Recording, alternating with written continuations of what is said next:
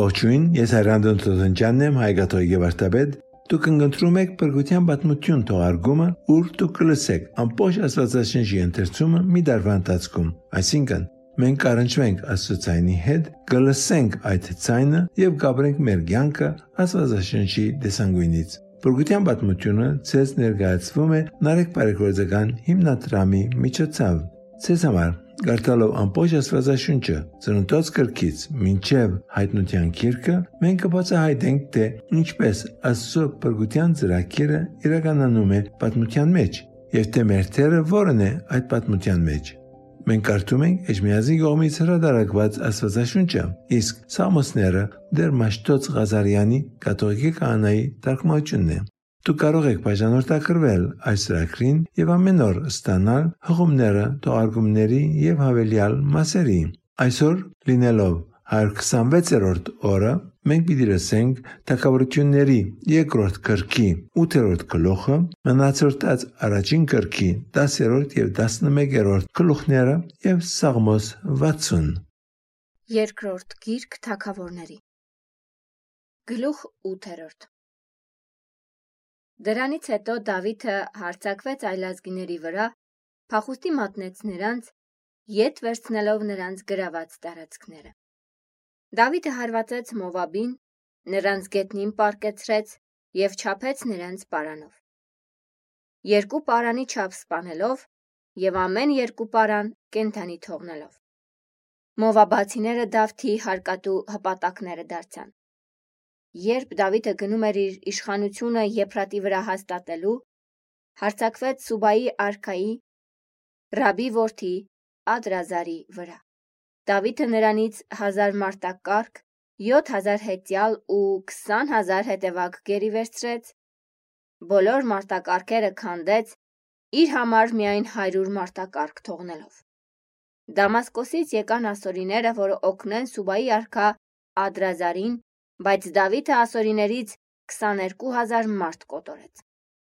Դավիթը ասորիքում Դամասկոսի մոտ Բերտապա զորքեր դրեց, եւ ասորիները Դավթի հարկատու ծառաները դարձան։ Տերը հովանավորում էր Դավթին ամենուրեք, ուր էլ որ նա գնում էր։ Դավիթն առավ Սուբայի արքա Ադազարի ծառաների ոսկե ապարանջանները եւ բերեց Երուսաղեմ։ Եգիպտոսի արքա Սավսակիմը դրանք վերցրեց երբ նա Սողոմոնի որդի Ռոբովամի օրոք հարձակվեց Երուսաղեմի վրա։ Դավիթ արքան Մասբակից եւ Ադրազարի հրճակավոր քաղաքներից վերցրեց պղինձ, որով Սողոմոն արքան պղնձե ավազան, սյուներ, լվացարաններ եւ ամեն տեսակ իրեր պատրաստեց։ Եմաթի արկա Թովուն, լսելով, որ Դավիթը ջախջախել է Ադրազարի բոլոր զորքերին, իր որդի Եդուրային ուղարկեց Դավիթ արքայի մոտ նրա ողջությունը հարցնելու եւ շնորհավորեց նրան այն բանի համար, որ ջախջախել է Ադրազարին, քանի որ նա Թովուի թշնամին լինելով նրա դեմ բուրըն պատերազմներ էր մղել։ Եդուրան Դավթին նվիրեց ոսկե, արծաթե եւ պղնձե անոթներ։ Դավիթ արքան այս ամենը Տիրոջը նվիրաբերեց, ինչպես նվիրաբերել էր իր հաղթած բոլոր ազգերից, եդովմացիներից, մովաբացիներից, ամովնացիներից, այլազգիներից, ամաղեկացիներից եւ Սուբայի արքայի Ռաբի որդի Ադազարից գրաված արծաթն ու ոսկին։ Դավիթն անվանի դարձավ։ Երբ նա վերադառնում էր ասորիների դեմ մարտից, Գաբեղեմում 18000 մարդ կոտորեց։ Նա Եդովմի մեջ Եդովմացիների երկրի բոլոր տեղերում Բերտապա զորքեր դրեց, եւ բոլոր Եդոմացիները դարձան արքայի հպատակները։ Տերը հովանավորում էր Դավթին ամենուրեք, ուր էլ որ նա գնում էր։ Աստված Դավթին ամբողջ Իսրայելի վրա թակավոր կարգեց, եւ Դավիթն իրավունք ու արտարություն էր գործադրում իր ամբողջ ժողովրդի հանդեպ։ Շարուհի որդի Հովաբը զորքի հրամանատար էր, Աքիի որդի Հովսափաթը դիվանապետ էր, Աքիտոբի որդի Սադովկը եւ Աբիաթարի որդի Աքիմելեքը քահանաներ էին, Ասան քարտուղար էր, Հովիդայի որդի Բանյան քերեթիների ու փելեթիների ղեկավարն էր։ Դավթի որդիները Արքունի, իշխաններ էին։ Առաջին մնացորդած Գլուխ 10-րդ Այլազգիները պատերազմեցին իսրայելացիների դեմ։ Նրանք փախան այլազգիների առջևից եւ սպանված ընկան Գեղբուա լեռան վրա։ Այլազգիները հետապնդեցին Սավուղին ու նրա որդիներին։ Այլազգիները սպանեցին Հովնաթանին, Ամինադաբին եւ Մեղքիսավեին, Սավուղի որդիներին։ Սավուղի շուրջ պատերազմը սաստկացավ։ Նետատիկները նետերով խոցեցին նրան եւ նա ցավակին վիրավորվեց։ Սավուղն ասաց իր կապարճակրին. «Հանիր սուրդ եւ դրանով սպանիր ինձ։ Այդ անթլպատները չգան ու անարգանքի ենթարկեն ինձ»։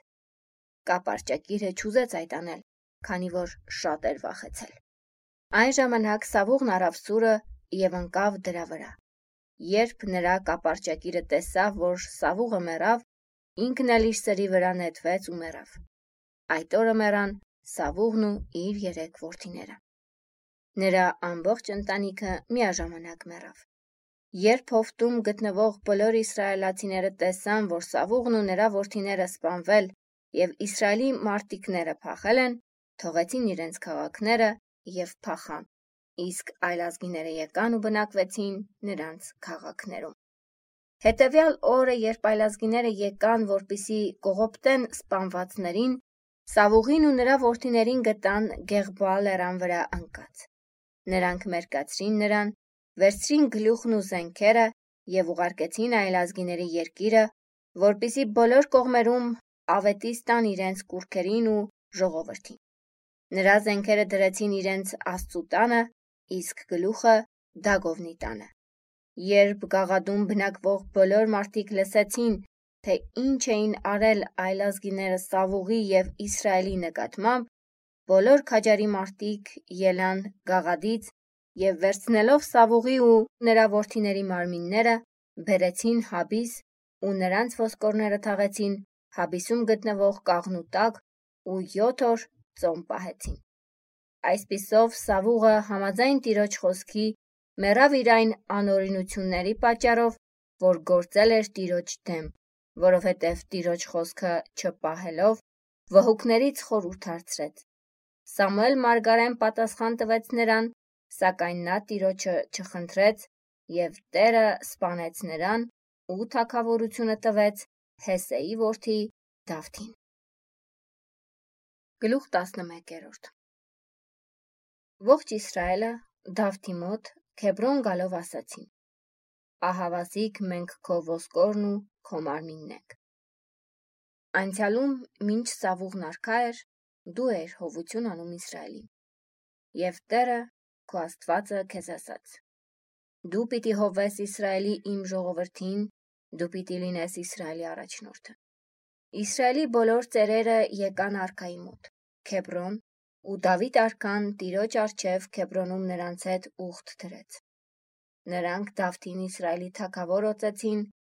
ըստ Տիրոջ այն խոսքերի, որ նա Սամուելի միջոցով ասել էր։ Արքան ու նրա մարդիկ գնացին Երուսաղեմ, որ Հեբուսն է։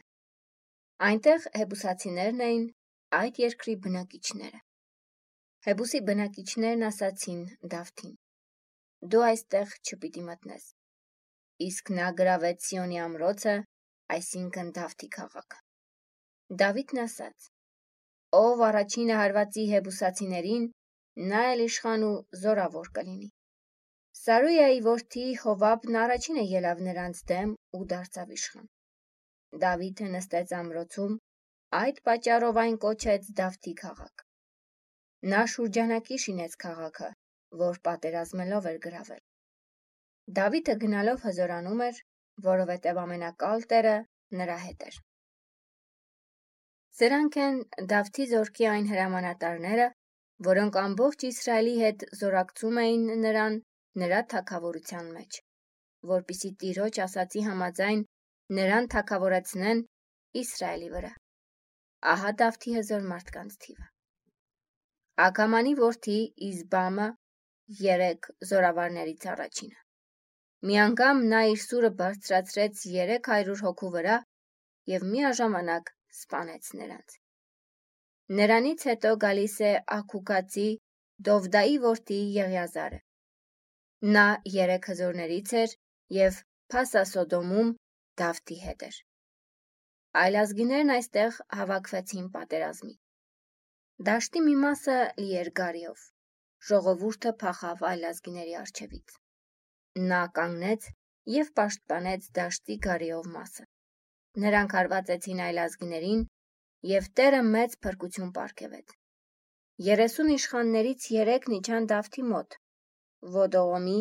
Քարայրի մոտերքում գտնվող ժայռի մոտ։ Իսկ այլ ազգիները բանակ դրեցին հսկաների հովտում։ Դավիթն այդ ժամանակ ամրոցում էր, իսկ այլ ազգիների զորքը Բեթխեհեմում։ Դավիթը ցանկություն հայտնեց ու ասաց. Ով ինձ խմելու ջուր կբերեր Բեթխեհեմի ջրորից, որը դարպասի մոտ է։ Եվ այդ երեք զորավարները այլազգիների բանակը ճեղքելով ջուր հանեցին դարպասի մոտ գտնվող Բեթխեհեմի ջրորից եւ բերեցին Դավթին, բայց Դավիթը չուզեց խմել այն։ Նա այն Տիրոջը նվիրեց ասելով. Աստված մի արասցե, որ այդ բանն անեմ։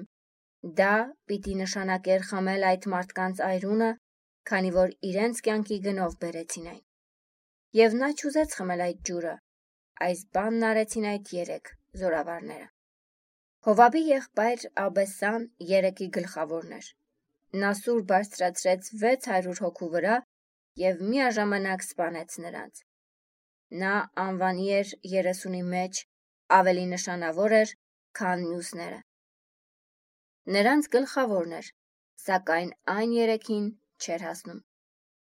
Հովիդայեի որդի Բանեասը հզոր մարդու որդի էր։ Նա բազում գործեր արեց Կազբեելում։ Նա սպանեց Արիել Բանյայի երկու որդիներին։ Նա էր նաև, որ մի ձյունոտ օր իջավ եւ փոսի մեջ սպանեց այրուծին։ Նա սպանեց նաև 5 կանգուն հասակ ունեցող մի աժդահա եգիպտացի մարդու, որ զինված էր ոստայնանքի գլանի չափ մեծ նիզակով։ Բանիասը գավազանով հարձակվեց նրա վրա, Եգիպտացու ձեռքից խլեց նիզակը եւ նրա նիզակով էլ սպանեց նրան։ Այս բանն արեց Հովիդայեի որդի Բանեասը, որի անունն այդ երեք հզոր մարդկանց մեջ էր։ Նա 30-ի մեջ ավելի նշանավոր էր, սակայն այն երեքին չէր հասնում։ Դավիթը նրան իր տոհմի վերակացու կարգեց։ Սրանք էին զորքի հզոր մարդիկ, Հովաբի եղբայր Ասայելը, Բեթխեհեմացի Դովդայի որդի Եղեանան, Արորացի Սամովթը, Փաղովնացի Աքիգեղեսը, Թեկուացու որդի Օվրեն, Անաթոֆթացի Աբիեզերը, Ասովթացի Սոբաքը, Աքովնացի Եղին, Նետոփաթացի Մովարեն, Նետոփաթացի Բանի որդի Եղադը, Բենյամինի բլրից Հռեփայի որդի Եթային, Փարաթոնացի Բանեասը, Նեքեղ Գասից Ուրին, Սարապթացի Աբիելը, Բարսամացի Ազամովթը, Սաղաբոնացի Եղիաբան, Գոտնացի Ասամի որդին, Արարացի Մադեի որդի Հովնաթանը, Արարացի Աքարի որդի Աքիաբը, Ուրի որդի Եղիաբաղը, Քուրաթացի Փերովմեն, Փելոնացի Աքիան, Կարմելացի Ասարան, Ազբյայի որդի Նոարեն, Նաթանի եղբայր Հովելը, Ագարի որդի Մաբարը, Ամովնացի Սեղեկովը, Բերովթացի Նարը, Սարուայի որդի Հովաբի կապարճակիրը, Ուրեթացի Իրասը, Հեթերացի Գաբերը, Քետացի Ուրիասը, Սեղքայի որդի Սողի որդի Զաբադը, որը Ռուբենի ցեղից էր, 30 իշխանների գլխավորը, Մակայի որդի Անանը, Մատթանացի Հովսափաթը, Աստարովթացի Ոզիասը, Քովթանացու որդիներ Սաման եւ Քևեղը, որոնք արարացիներ էին, Սամարիի որդի Հեդիելն ու նրա եղբայր Հովազան, որոնք աթովսացիներ էին, Մաովնացի Հեղիելը, Այրաբն ու նրա որդին Հովսեն, որոնք եղնամացիներ էին։ Մովաբացի Հեթեման, Աղիելը, Վովբետը եւ Հասիելը, որոնք Մովսաթացիներ էին։ Սաղմոս 60-րդ Ով Աստված Դու մերժեցիր մեզ եւ ցիրուցան արիր։ Զայրացել էիր, վերադարձիր մեր մոտ։ Սասանեցիր երկիրը եւ ճեղքեցիր այն։ Նորոգիր նրա կոտրվածքները։ Այն կործանվում է։ Դաժան փորձության ենթարկեցիր քո ժողովրդին։ Խմելու տվեցիր մեզ հիմարության գինին։ Գետ մի նշան տուր քո հավատացյալներին որպիսի ազատվել կարողանան աղեղի հարվածներից։ Որպիսի փրկվեն քո ընտրյալները, փրկիր քո աչով եւ պատասխանիր։ Աստված խոսեց իր սրբավայրում։ Ես ցնծում եմ եւ բաժանում եմ Սյուքեմը։ Կտոր-կտոր եմ անում Սուքոթի հովիտը։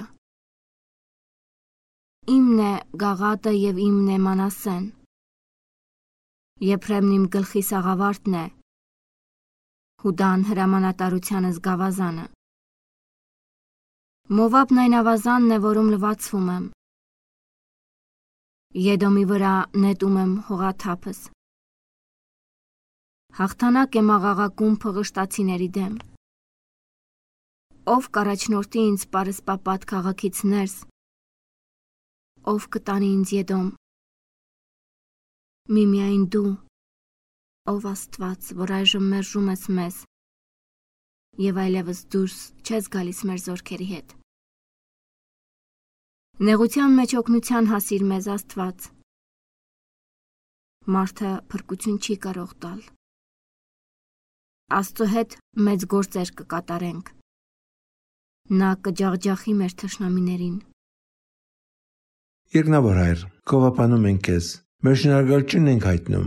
ով դեռ գիտենք, որ առանց քեզ ոչինչ չենք կարող անել։ Իսկ երբ դու մեզ հետ ես, մենք քաչապար կարող ենք գործել։ Երբ մենք մնանք քո մեջ, ամեն ինչ հնարավոր է եւ կկարողանանք բդղապեր լինել։ Բդու որ անպայման կմնա։ Իսկ եթե մենք մեզը հեռացնենք քեզանից, քո ներկայությունից, երբ ճունենանք քո զորությունը մեզ հետ, ճունենանք քո օգնությունը, երբ մենք հեռանանք քո սրբությունից, այդ ժամանակ մենք ոչինչ չենք կարող անել մենք ոչ մի բդող չենք կարողանա դալ եւ մեր ցանկում ովևէ լավ փոփոխություն չեն կարող անել ուրեմն ով դեր մենք քո գարիկն ունենք ոչ միայն մեր քոյադևման համար այլ նաեւ որբեսի կարողանանք իրապես հարադեվել մենք քո գարիկը ունենք ոչ միայն բղապեր լինելու համար այլ նաեւ որբեսի հավատարի մնանք քեզ ուրեմն ով դեր օգնիր մեզ, որբեսի լինենք հավատարիմ եւ բտղապեր։ Օգնիր մեզ, որբեսի հարադև լինենք եւ լինենք ընդմիշտ քոնը։ Մեր աղոթքը բարձրացնում ենք Հիսուս Քրիստոսի անունով։ Ամեն։ Անուն Հոր եւ Որդվո եւ Օգնի Սրբո։ Ամեն։ Տակավորությունների կրկում կարդում ենք Դավիթի հաղթանակների մասին։ Սավուի օրոք հрьяաների 12 ցեղերը դասնակցություն էին գազմում Իսկ հիմա Դավիթը հիմնում է թակավորություն, միացնելով այդ 12 ցեղերը, եւ այսպիսով նա հաղթում է հարևան թշնամիներին։ Այս կերպ նա ոչ միայն կարողանում է միացնել ցեղերը, այլ նա նաև կարողանում է Իսրայելի համար թակավորություն հիմնել եւ սա չափազանց կարևոր բան էր, որ արեց։ Ուշագրավ է նկատել այն փաստը, որ թակավորությունների կրկերը կրված են այս եղելություններից շատ քիչ անց, բայց մնացորդած կրկերի մեջ այդ ամենը ներկայացվում է Բաբելոնյան աքսորից վերադառնալուց հետո։ Շատ հավանական է, որ Էզրա տբիրն է գրել։ Այսօր մնացորդած կրկի մեջ լսեցինք Սավուխ Տակավարի եւ նրա զավակների անգումը, ինչպես նաեւ Դավիթ Տակավարի օծումը, որպես ամբողջ Իսրայելի Տակավար։ Վերջերս տեսնում ենք, որ այս պատմությունները հետ ու առաջ են լինում։ Չգարցենք, որ այս պատմությունները միայն գրկնություններ են, որքան էլ որ նույն բաներն է մեզ ներկայացվում, դրանք ամբողջովին այլ դեսանգույնից ենք տեսնում։ Արդյոք այս գրկությունների բաժարը եւ դրտաբաժարը որոնք են։ Էզրան ինչու է մնացորդած գրքերի մեջ գրկնում նույն բաները։ Նրա նպատակը այն է, որ նա ցանկանում է ներկայացնել ժողովրդին ապակայի մի տեսլական եւ իր կրթության միջոցով հրավիրում է, որ նրանք հստակ պատկերացում կազմեն անցյալի մասին, այսինքն Տիրոջ ներկայությունը հիմա իրենց հետ նույնն է, ինչ որ Դավիթի օրով եւ հիմա նորից հնարավոր է, որ Աստված վերականգնի եւ վերահաստատի իր ծրագիրը եւ գուցե մեզ մեկ անգամ եւս թակավոր տա։ Եվ սա Էզրան շեշտում է իր քրություներում։ Կարևորը Աբակայի այդ դեսլականն է, Էզրան այդ դեսլականն է առաջարկում։ Այդ դեսլականը նա տալիս է հիշեցնելով ժողովրդին, որ իրենց անցյալը շատ կարևոր էր եւ դա անում է հիշեցնելով Դավիթի մասին, ով այս ամենը չկարողացավ միանալ անել։ Նա իր գողքին ուներ ուժեղանցիկ, ովքեր ամեն կերպ օգնում էին նրան եւ նրան ցերկ բերածը իրապես վիթխարի մի բան էր։ Կալիկորերին մենք կլսենք այս ուժեղ անցած մասին։ Այդ 30 զորավարների անունների մեջ մեկ անուն միայն հիշենք, այդ անունն է Ուրիա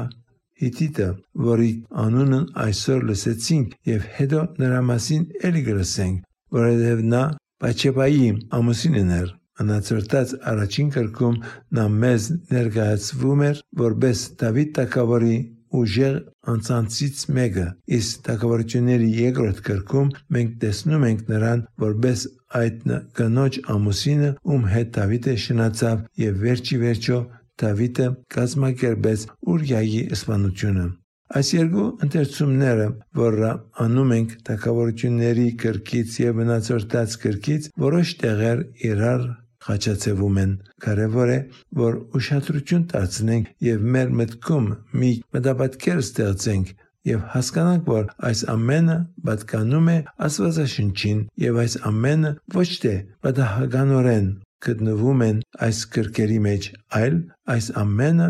մեր դաստիարակության համար են մի դեսլական հաղորդելու համար։ Էզրայի կրությունը դալիս է Աստծո ժողովրդին աբակայի մի տեսլական եւ միևնույն ժամանակ սովորեցնում է թե մարդը ինչպես պիտի ապրի հիմա։ Մենք եւս նույնն ենք անում մեր այս ուսումնասիրության միջոցով։ Մենք ստանում ենք մի տեսլական աբակայի մասին, ինչպես նաև սովորում ենք ինչպես ապրել մեր ներկան հիմա։ Ուրեմն, շարունակենք մեր ընթերցումները եւ պարապանենք Աստծուն եւ աղոթենք իրար համար Ավասիկ 126-րդ օրը հասավ իր ավարտին։ Վստահ եղեք իմ աղոթների վերաբերյալ, որովհետև ամեն օր աղոթում եմ ձեզ բոլորի համար եւ խնդրում եմ ձեր աղոթքը իրար համար եւ ինձ համար։